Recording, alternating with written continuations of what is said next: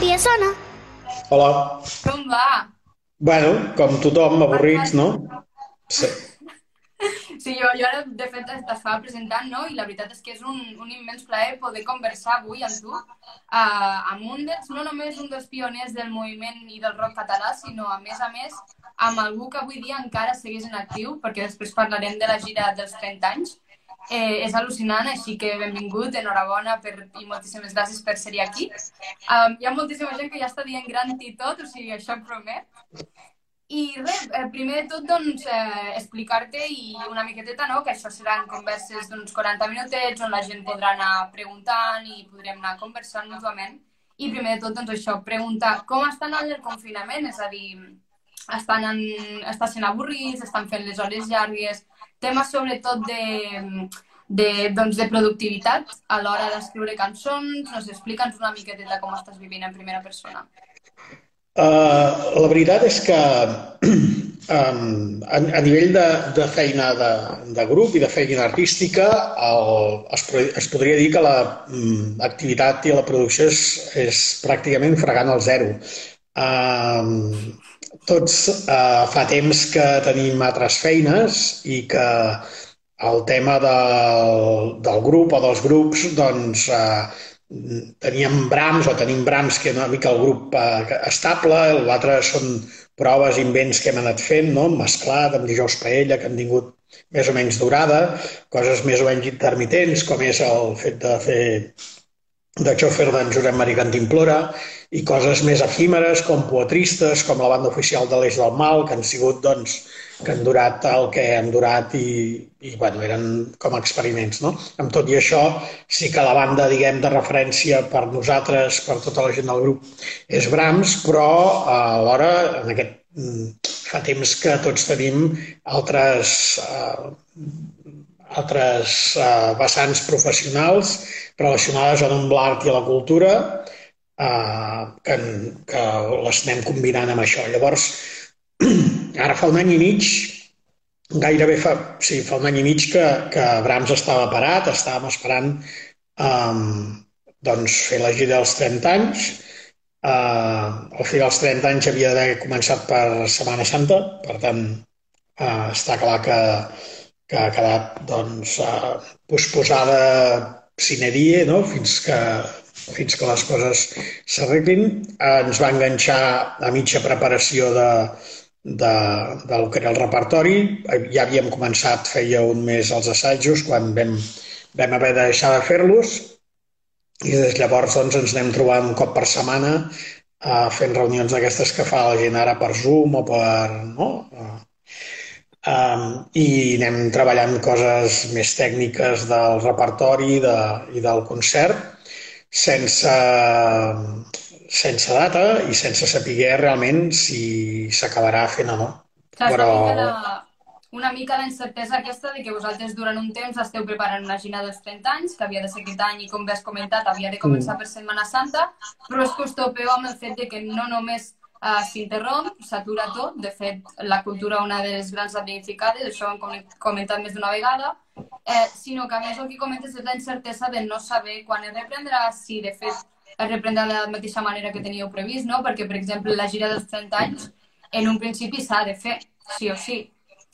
La cosa és quan? Bé, suposo que hi ha coses més, més diguem, com ho diria, uh, que són més ineludibles. O sigui, la gira dels 30 anys la volíem fer perquè en teníem ganes i perquè feia temps que no...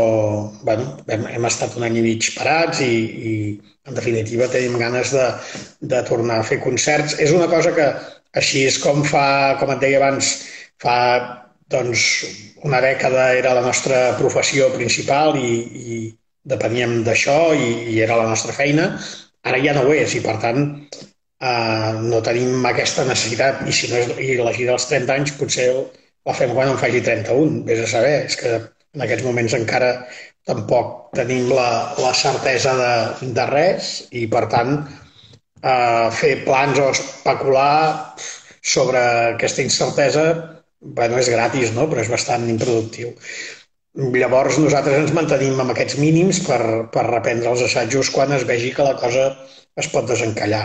I si no és aquest any, doncs serà l'any que ve. I si al final no es fa, doncs no es fa, però vull dir que, que segurament que hi ha altres grups o altres gires que són més, més ineludibles, no? La gent que, que està treballant ara amb això, no? Nosaltres, mmm, diguem que, que ho fem una mica perquè ens ve de gust i perquè ens ho passem bé i perquè la gent també s'ho passa bé, però si no es pogués fer, diguem, no seria la mort de ningú, no?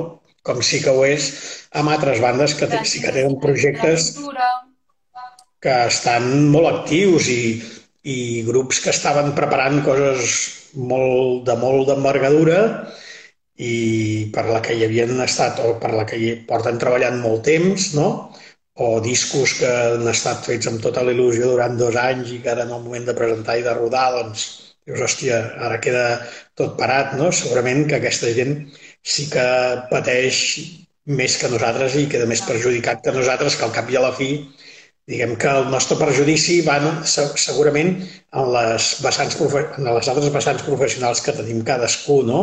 Doncs en el David a l'estudi, amb mi, eh, amb el amb l'hostal que tinc, amb, doncs, amb, amb, amb, el, amb la gent que, que està fent classes o que té altres grups, no? Vull dir, segurament que, que a, nivell de grup i a nivell cultural nosaltres ens podem queixar relativament perquè hi ha gent que està pringant bastant més que nosaltres. Clar, clar, us n'adoneu, també sou una mica... Últimament la cultura és una mica com una pinya, no? És, és ajuda una mica a tothom i que, que al final tothom se'n pugui sortir.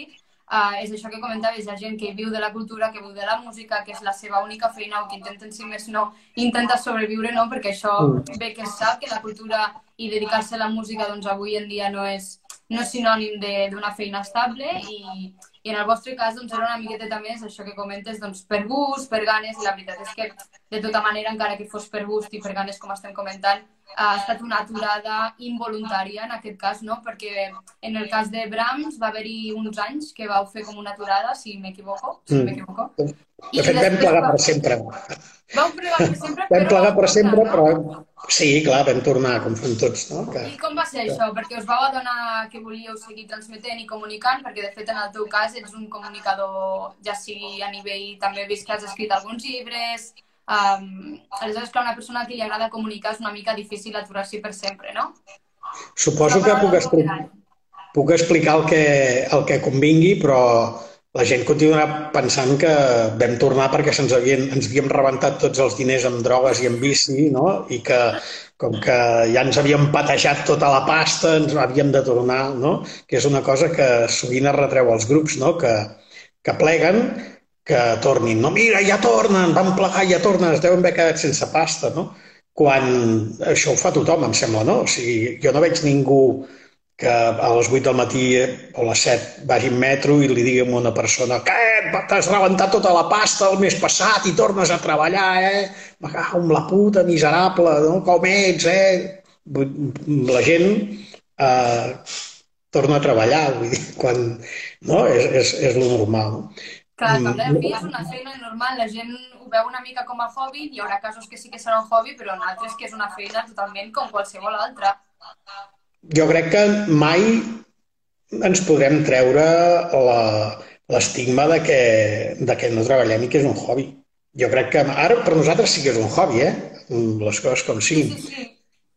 Perquè treballem, porta feina i aquesta feina val uns diners i es paga i, i nosaltres la cobrem perquè doncs, porta unes setmanes, uns mesos de feina i, i, i voltant i avall i, i per tant és just que la gent que treballa cobri però mm, jo crec que l'estigma aquest de que, mm, com que la gent veu que, no sé, suposo que la gent veu que ens ho passem bé treballant i que no li quadra amb que això sigui pugui ser feina si aquesta gent s'ho passa tan bé, no? No ho sé. Perquè de normal Però... no estem acostumats a que la gent pugui treballar d'allò que li agrada, aleshores també tenim aquest estigma i aquesta manera de menysprear sí. una mica de cultura, de veure com gaudiu allà dalt de l'escenari o creant un single i és com que la gent no arriba a entendre precisament. Sí, jo, ja et dic, jo crec que és un estigma que mai ens podrem treure de sobre, no? el fet de que, perquè tota la vida mm, la gent que treballa, que, que, que fa música, diu, però a part de música treballes, no? Sí, com...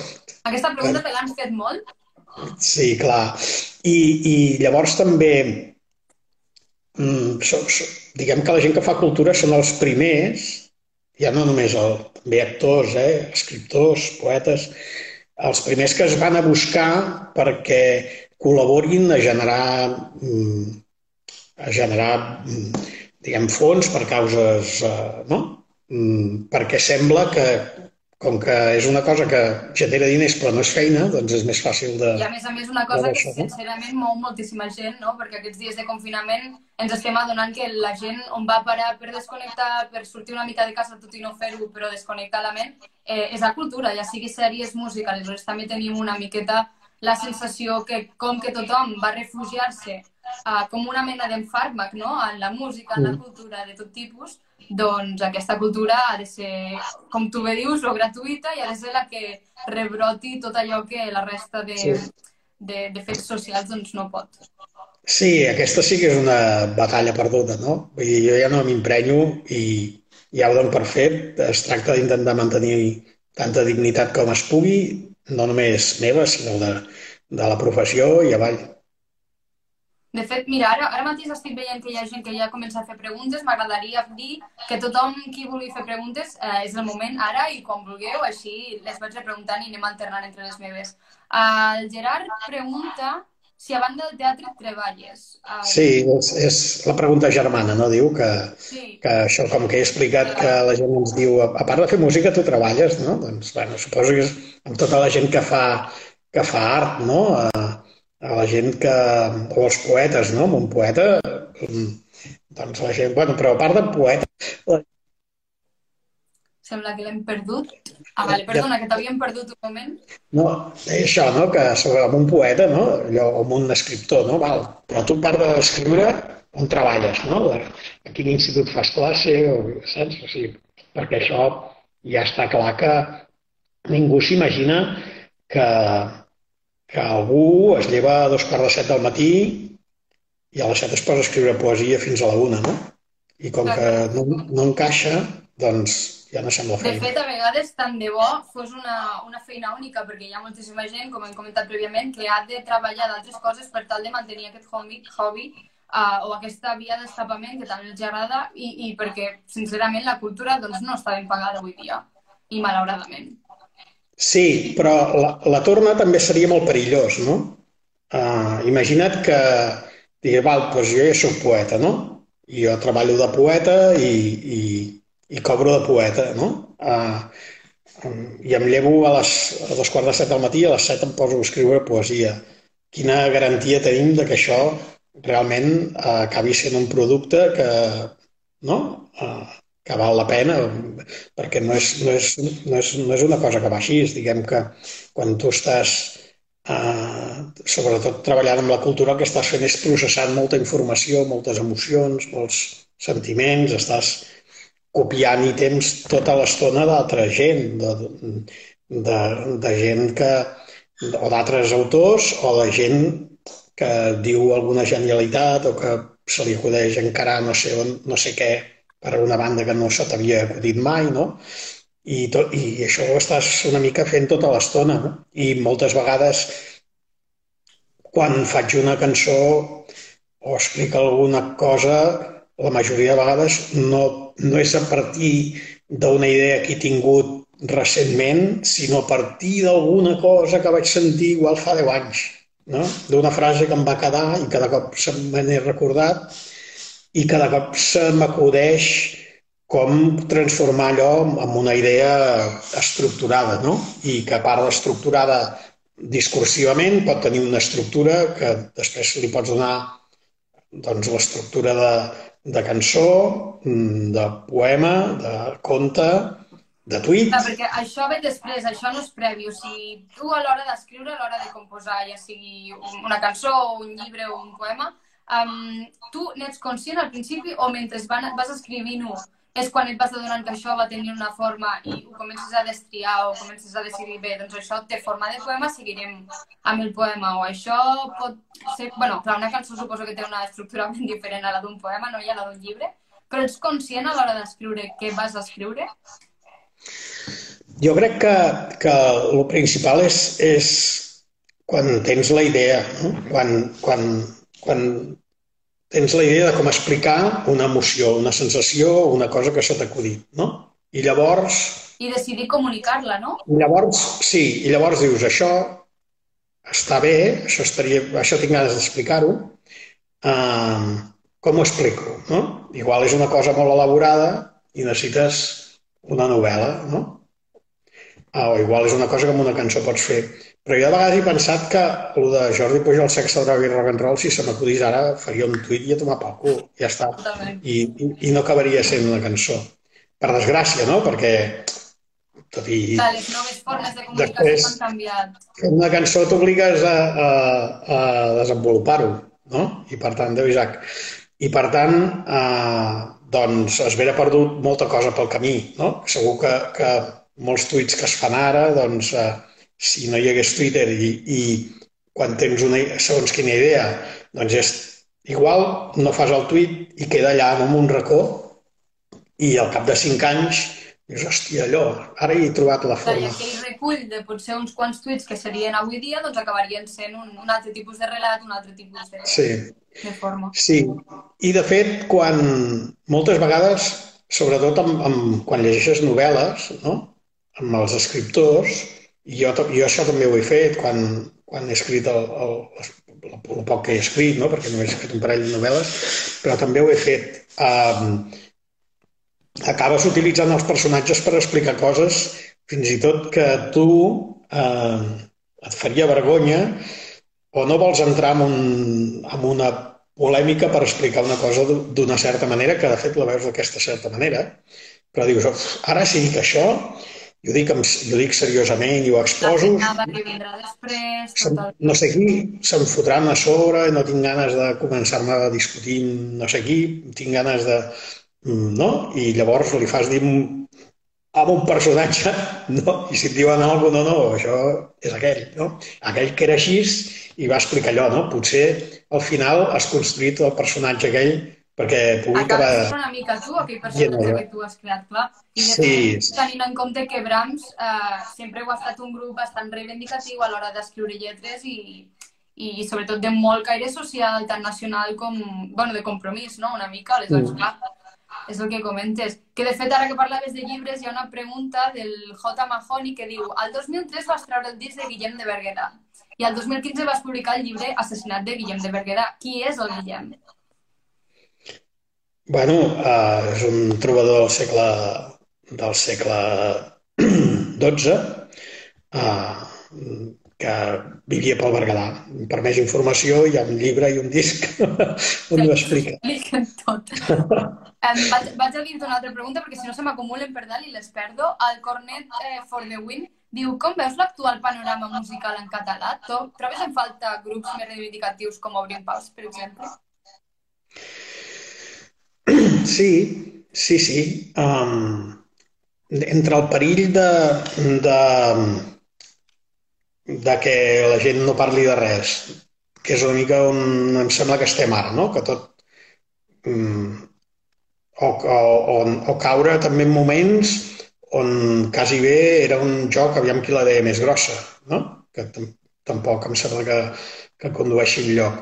Però el, o el fet de, de simplement reproduir pintades, no?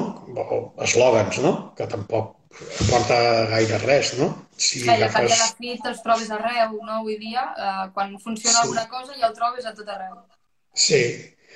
Uh, sí que és veritat que, que es troba a faltar que hi hagi grups que desenvolupin, que desenvolupin una mica i que sigui el grup qui canta algú que acaba sent una pintada a la paret i no un grup que veu una pintada a la paret i fa un estribillo, no? És a dir, que siguem nosaltres qui ens fem de, les paraules, de cançons seves paraules nostres.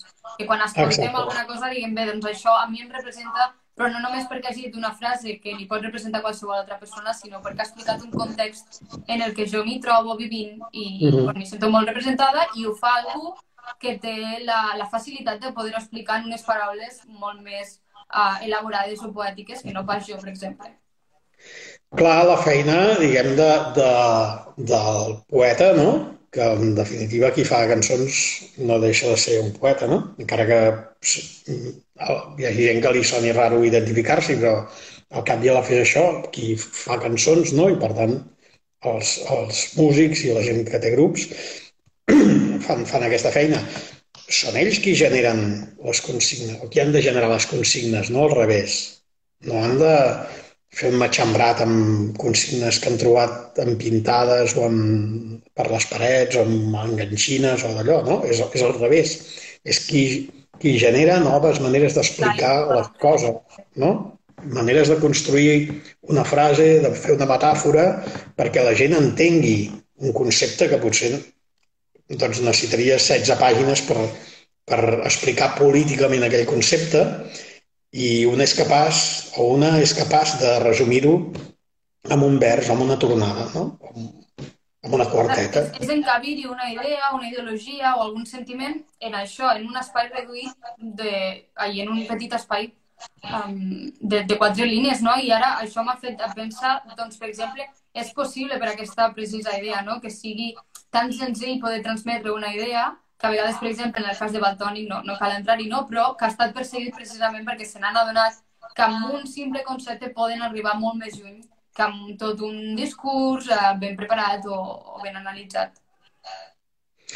Sí, um, de vegades també, mm, clar, és, és una mica difícil um, tenir la consciència de si l'enemic és molt llest o molt tonto, no? Perquè com que de vegades actua de manera erràtica i, i no saps, no? Uh, i, i el mateix uh, Baltoni ho explica, no? Diu, són burros. Diu, si jo estava allà no? I, i anava fent la meva i em, em coneixia molt de poca gent. Fet, donen el rebombori és com...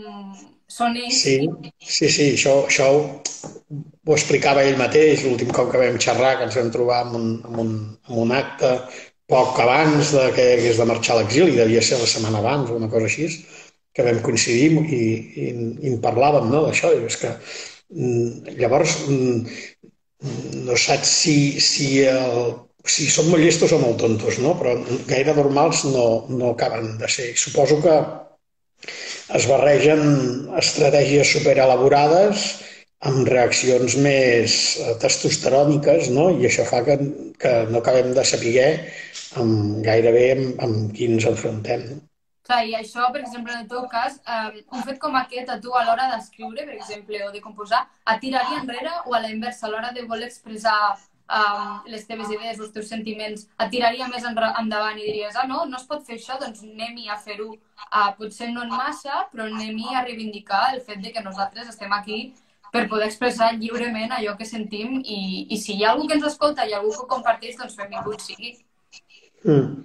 Sí, però això no, no deixa de tenir un perill, no? El perill de dir de que ja no sigui la idea qui, el qui mana, sinó la contundència, o sigui, que sigui l'arma, o sigui, la, la, la violència del vers qui, mana, qui guanya la idea, no?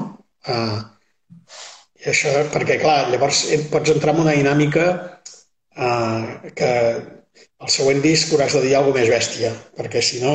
Mm, I l'altre, i llavors pot ser que arribis un moment que, hòstia, que està... Que has, explicat, no? mans, has marxat, ja, ja, ja ets fora. No? Has marxat tu sol, no cal que ningú. Sí, ja t'has anat enfilant, no? En la teva, d'allò de dir, hòstia, és que... No? I llavors, Uh, jo crec que sempre ha de, ha de, ha de manar l'idea. Llavors, de cop i volta, fas un disc que, que, que clar, ho fas en base a aquests, a aquests paràmetres, no una evolució de, de discurs, sinó a lo que en aquell moment passes.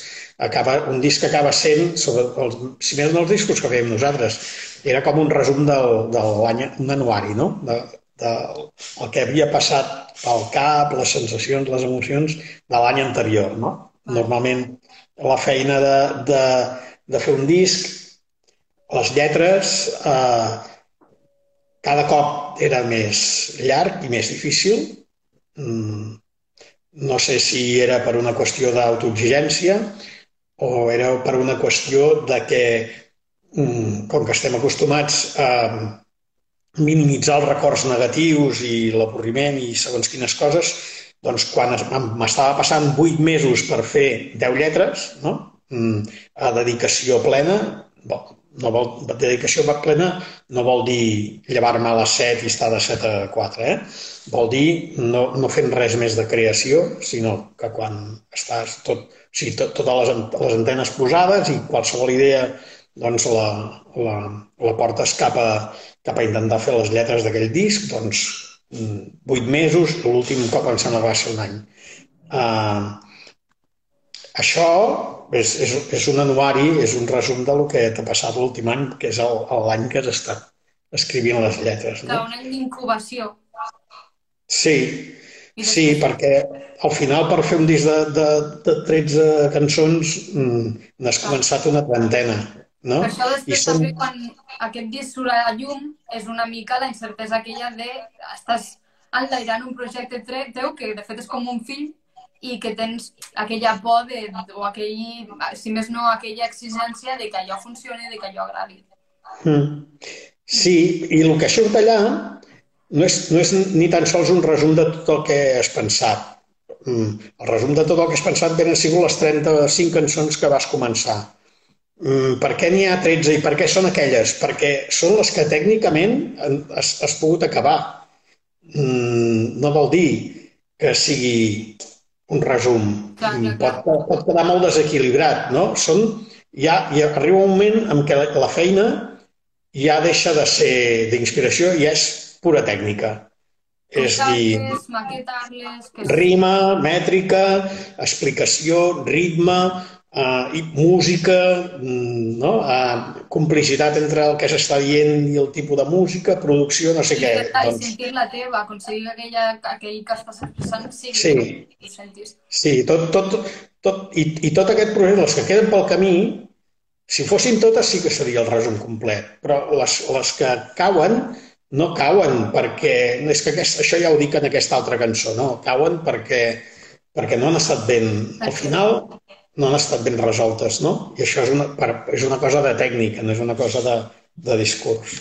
Que mira, i ara parlant dels discs i tot procés i tot, hi ha gent aquí de, de Free Agent que et diu quines ganes de concerts de Bram, no? I amb això ho encarrilem amb la pregunta que fa el Marc Padu, que diu, creieu que s'està perdent la música en directe?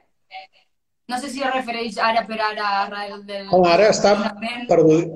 Està tothom està fent concerts aquí en directe, Instagram i tot, però suposo que diu sí. enllà després d'això.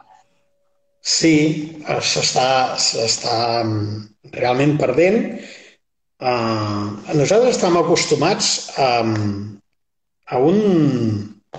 La, la, la, la, la cultura musical catalana, ara és difícil, eh? no, no dir rock català ni, ni la cultura musical catalana, en general, tant la gent que, fa, que feia cançó, com la gent que, que que, fa, que ha fet folk després, no? Després hi va haver doncs, una onada de folk, la gent va perdre la, la vergonya de fer d'utilitzar melodies populars i de fer servir instruments populars. Són una cosa que van acostant, no? Primer la cançó, després el rock català, després Clar, el moviment... Ara ho mirem com algo ja que ens ve donat i alguna cosa que... que sí, però aquí... Hi va haver gent que al principi estaven allà amb segons quin instrument, amb un acordió, i la gent se'ls mirava raro i deien, això, però si això ho fa el iaio de la festa major, no? I després, en Dominguet va passar a ser el més modern del món, no? I la penya, no? Els ukeleles, no? La, la gent de cop i volta. I avui dia encara tornen, perquè tot, tot, jo crec que la història se repeteix i es repeteix una vegada i una altra, no? Perquè els ukeleles sí. s'han posat molt de moda. Un cop has perdut la vergonya a fer-ho, no? Un cop has introduït la dolçaina i això ha funcionat, un cop has introduït l'acordió, i això ha funcionat. Um, ja s'ha perdut la vergonya, això és una conquesta que has aconseguit, això triga anys no? a, a passar, que la gent perdi la vergonya i que la gent se'n vagi de festa en un lloc on toquen quatre grups de, que fan música tradi no tradicional, però sí bases tradicionals o amb melodies. O, val? Doncs tant els cantautors com el, el, la gent de la onada del moviment del rock català, que no oblidem, no oblidem que no era un estil, va ser un moviment que va durar uns anys, Després la gent del, del foc, després hi va haver també un despertat a, a nivell de rumba, no? En fi, fins al moment actual, no? que ens anem cap a una altra banda a partir de, de bases molt relacionades amb, amb reggaeton i hòsties d'aquestes, no? I els tios que es van enllaçant entre ells, també. Van doncs tot, tots aquests artistes, no vull dir tots, eh? vull dir la majoria, bona part, al llarg d'aquestes dècades que ha funcionat això, han utilitzat molt, molt, molt, molt, molt, molt els poetes. Uh, I això és una cosa que mm, em sobtava. Després vaig parlar amb una persona que hi entén i em va explicar que això era una tendència que tenien sobre, primer, les cultures mediterrànies, no? l'occitana, la italiana, fins i tot la francesa, Després, a les, les relacionades hispàniques, no? Andalusia, d'això. I, I finalment la, les anglosaxones eren els, els que menys, no? Això... Um, però tu agafes l'obra completa de Salvat Papaseit, no? I està tota musicada. Agafes Martí Pol i ja agafes Estellers, agafes Pere Quart agafes, eh, doncs, eh, no sé, Maria Mercè Marçal, agafes, no? I dius, hòstia, eh, la gent, els artistes han tibat molt de l'armari aquest, no? De, I, del, encara, del, i encara ara. Dels, dels nostres, I encara ara. I llavors, què vol dir? Això vol dir que si al costat d'una cançó de Pere Quart, en aquell disc, i, i fas una cançó, i n'hi ha, ha una que és una lletra de Pere Quart, i una altra que és d'Estellers, i les altres són teves, ojo amb què hi fiques, no? Perquè es pot veure molt alt. Llavors fa que tu hagis de currar més, no? No per arribar als seus nivells, evidentment, però bueno, sí com perquè... Intentar no, no, una mica que Sí, no, no fer gaire el ridícul. No fer gaire el ridícul perquè estaran, són cançons que estaran al mateix disc. No? I això és una immensa sort i crec que és un element que ha donat molta riquesa a la cultura musical catalana. No sé per què he començat el discurs aquest que t'he fotut d'aquesta idea. No, no, la pregunta no, no sé quina era la pregunta, però...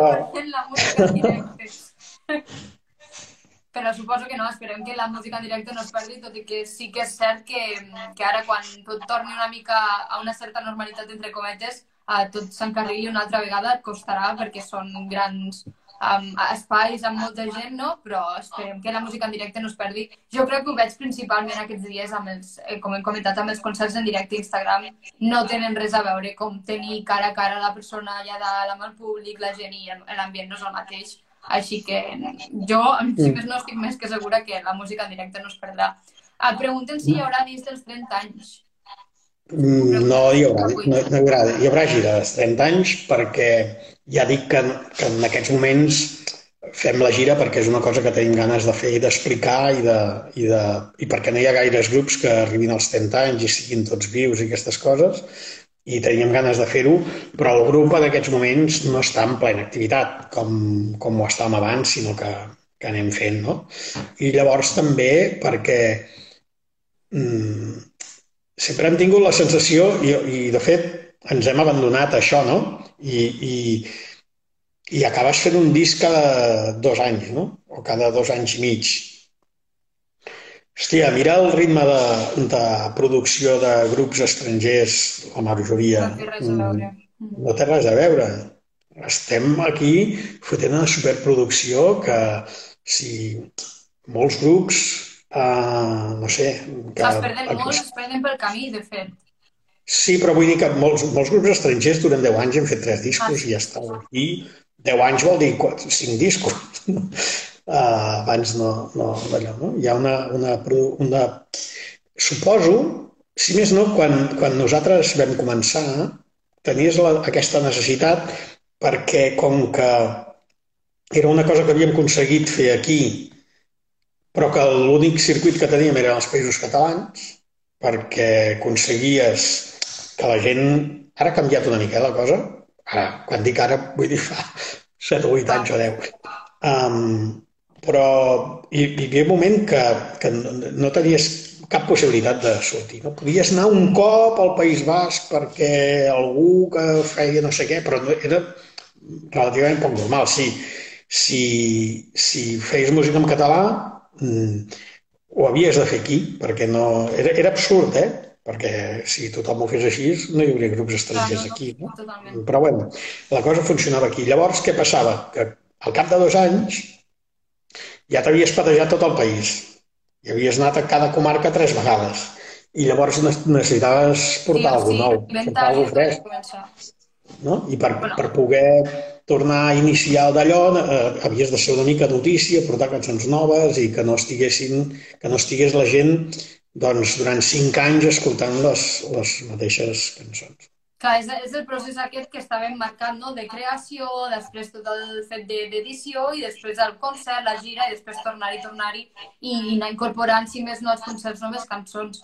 I per això, precisament, també el Jordi Records pregunta si creus que s'ha perdut l'espontaneïtat dels directes en favor de la professionalitat i tècnics. Això n'estic segur, n'estic segur. Ara, això té avantatges i desavantatges, diguem-ne. Uh, L'espontaneïtat mm, no sempre era sinònim d'excel·lència. O sigui, tenia un caire, um, doncs, uh, De naturalitat. de naturalitat, de frescor, que bé és que allò no... Però alhora, um, clar, quan, hòstia, um, estàs veient grups, uh, no sé, nosaltres mm, fer un directe amb metrònom era una cosa impensable, no? Però impensable, o sigui, mm, no? I ara l'hòstia de grups, com que va- vas en bases seqüenciades, has d'anar tota l'estona amb metrònom, no? Vull dir, metrònom o amb, amb, una uh, claqueta interna per monitoratge, un monitoratge que ara ja no va per monitors, sinó que són pinganillos. Clar, són, mm, amb la qual bueno, Clar, la tècnica ha Realment- canviat totalment, igual que la rapidesa a l'hora de... Bueno, del que... Perdó, segueix, segueix, que me'n vaig. Sí, no, no i, i el fet aquest de que qui té un portàtil o, o quasi bé qui té un mòbil té un estudi de gravació dintre, no? Vull dir, amb el mòbil mm, mm, fas un disc, si convé, si tens És que de fet paciència. és amb el, amb el que comentaves d'abans, no? que antigament doncs, els grups també a l'hora de moure's i tot ara ha canviat tot perquè tu pots publicar una cançó al, al, a YouTube, per exemple, i aquella cançó en 0, pot estar a la casa de qualsevol Mm. persona a l'altra punta del món. I això també ha fet que a l'hora de desenvolupar i de fer concerts i tot, doncs canvi molt. Sí, i perquè les coses... És possible que una cosa que facis tingui, tingui molta més transcendència, diguem, no? Um, abans, eh, diguem que tu feies un concert i allò no ho gravava ningú, no? Mm, ojo amb les dificultats tècniques per gravar-ho tu mateix a partir del, del propi equip de so, que la majoria de vegades o feies una inversió molt bèstia en maquinària per aquell concert concret per poder-lo gravar en directe, o el que sortia de taula era un xurro que no servia ni per assajar tu, saps? Mm, que ara es pot dir pràcticament que tots els concerts estan, doncs, eh, eh, es, es poden gravar amb, amb una certa rigorositat, amb àudio, amb vídeo, amb no sé què, i que a més a més encara tu no te n'enteres i algú està gravant i, el, i encara no has baixat de l'escenari que allò ja està Ja penjat a està YouTube. No? ja està penjat.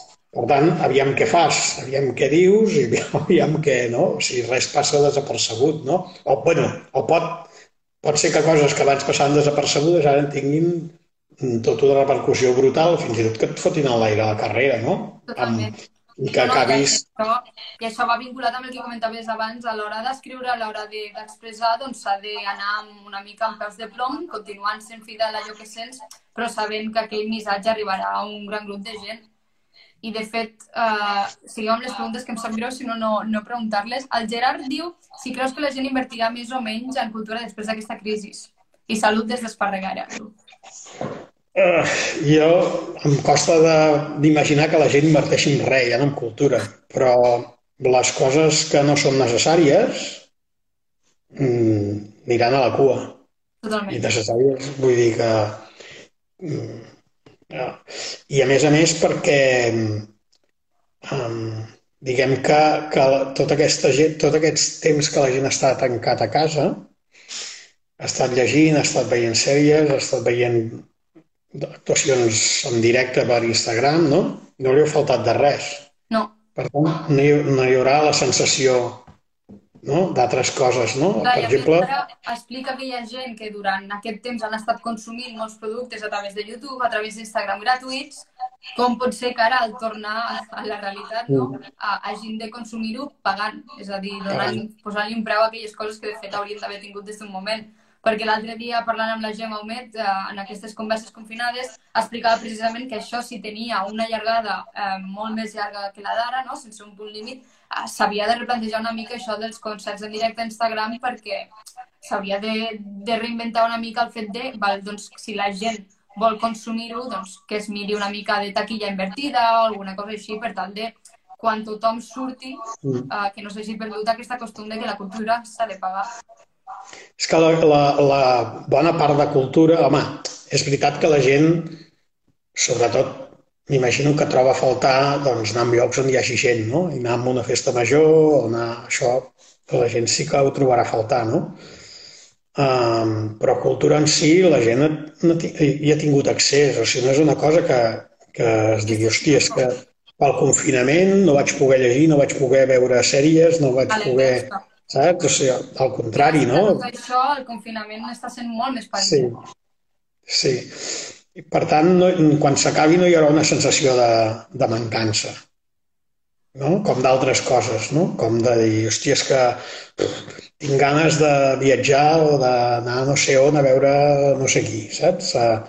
D'això sí que, que hi haurà un dèficit acumulat que la gent... mm, Però d'altres coses, no sé, eh? puc equivocar, però em fa patir que, que, que la gent no, no acabi el confinament amb un dèficit acumulat gaire gran de cultura. De fet, això, això caldrà, caldrà veure-ho i està per veure i esperem que, que no sigui així, que tot es recuperi tan ràpid com sigui possible. Uh, tinc apuntades aquí un parell de cançons vostres um, i m'agradaria llegir-te una perquè així et faig una pregunta. Hi ha una cançó que es diu, perdona, eh, L'any dels lladregots, no? I, i m'agradaria llegir dos, dues o tres uh, frases, és, és, són alternades, eh? Uh, la primera, va ser l'any dels pescadors i la mar estava en calma. Va ser l'any dels ofegats, la mar es va trobar estranya. Va ser l'any dels forasters, bicicletes a la platja. La meva pregunta és, i el 2020 quin tipus d'any serà? O com el recordarem, si més no? Ah, no, no ho sé. Um, caldria, suposo que, que, que caldria fer una, una estrofa nova perquè era una, un, estem en una situació que ningú no s'imaginava. Has llegit una cançó que vam fer dijous paella que l'havíem arribat a tocar mesclat perquè és una cançó que, que m'agrada molt. La música és una manera que surt en un llibre d'Antoni, de l'escriptor Toni Moner Jordà. És, és, és de les poques cançons que hem fet que no, que no he participat amb, amb la lletra. Um, surt, apareix en, un, en el llibre de Toni Moner Jordà aquesta cançó uh, i en Sergi Valero, que és l'autor de moltes de les cançons de Brahms, sobretot de la primera època, no? Mm, que era, érem amics i fèiem, ens dedicàvem a fer cançons i, i quan vam començar Brahms teníem una vintena de cançons que havíem fet ell i jo, jo la lletra i ell la música, i el Sergi Valero, doncs, que també era amic d'Antoni Moner Jordà, la va musicar i, i ens van deixar permís per fer-ho. És una cançó uh, que a mi a mi m'agrada molt, que és molt atemporal, que d'aquelles que cada cop que la sents penses, va, fa 10 anys rai, ara ara és pitjor, no? I d'aquí 10 anys pensarem, va, fa 10 anys rai, ara ara és pitjor, no? De fet, he trobat un, un parell de cançons d'aquest estil que són atemporals i que a, a hores d'ara podria ser fins i tot la banda sonora d'aquest uh, confinament Mm. per a Spotify, eh? perquè també agafant la de... Bueno, una altra pregunta era, en aquesta pandèmia és un bon moment per fer una operació os? No? Perquè en aquesta cançó, precisament, qui no l'hagi escoltada, eh, jo la- l'escoltava aquest matí i deia és que és el meu, tant de bo fos el meu dia a dia, no? Estar al sofà, llaure i tot això. Però... Seria, seria la solució perquè, per viure-ho sense haver-ho de suportar. Però ens podríem ens hi podríem acostumar i segur que ja, segur que ho acabaríem aplicant a altres moments de, va, això el passo de viure, no? I al final aniríem reduint la vida, no? I fotríem unes dormides tan llargues que quan no ens adonessin ja s'hauria acabat. Per tant, fora. jo crec que, que la vida eh, implica també els moments dolents, no sé, no amb què merda els compararàs. quan No, clar, per agrair, ja ho diuen, per agrair els moments bons hem de tenir de tant en tant algun moment que ens digui ep, Sí. sou humans, calma, i també el ritme frenètic, intentar pausar-lo una mica, de ben segur que això, si més no... Ens hem de fotre fàstic, això és important. Després no ens en recordarem. No, no, no, això durarà un temps, però després Mm, Després no ens en recordarem i d'aquí cinc anys direm, "Pf, hòstia, aquell sí, i no, no, no li donarem gravetat. No, malauradament. Malauradament perquè s'ha patit molt i encara es patirà més, no? Però, però bé, per anar tancant una miqueteta aquest, um, aquest directe, perquè al, a l'hora se'ns tancarà, o sigui, se, es tanca el directe perquè no podem accedir-lo, m'agradaria dir primer de tot moltíssimes gràcies a tothom que ha fet preguntes. Uh, M'excusaré si se m'ha escapat alguna, és possible, perquè és molt difícil controlar-lo a l'hora que escoltar i conversar. I m'agradaria explicar-vos una mica, no? Jo abans de començar aquest directe li he demanat al Francesc si ens podia interpretar o si podia imaginar alguna glosa. Explicaré per a aquells que no sàpiguen el que és una glosa, que jo mateixa no sabia aquest matí, fixa't tu, on ha estat amagada tot aquest temps. Eh, ho llegeixo per no equivocar-me, eh? Una glosa és una mena de composició popular, oral i rimada, normalment improvisada, que apareix en el mateix moment en què es demana, que es reclama. El Joan, si... Ai, el Joan, no sé per què et dic tota l'estona Joan, eh? És, és brutal.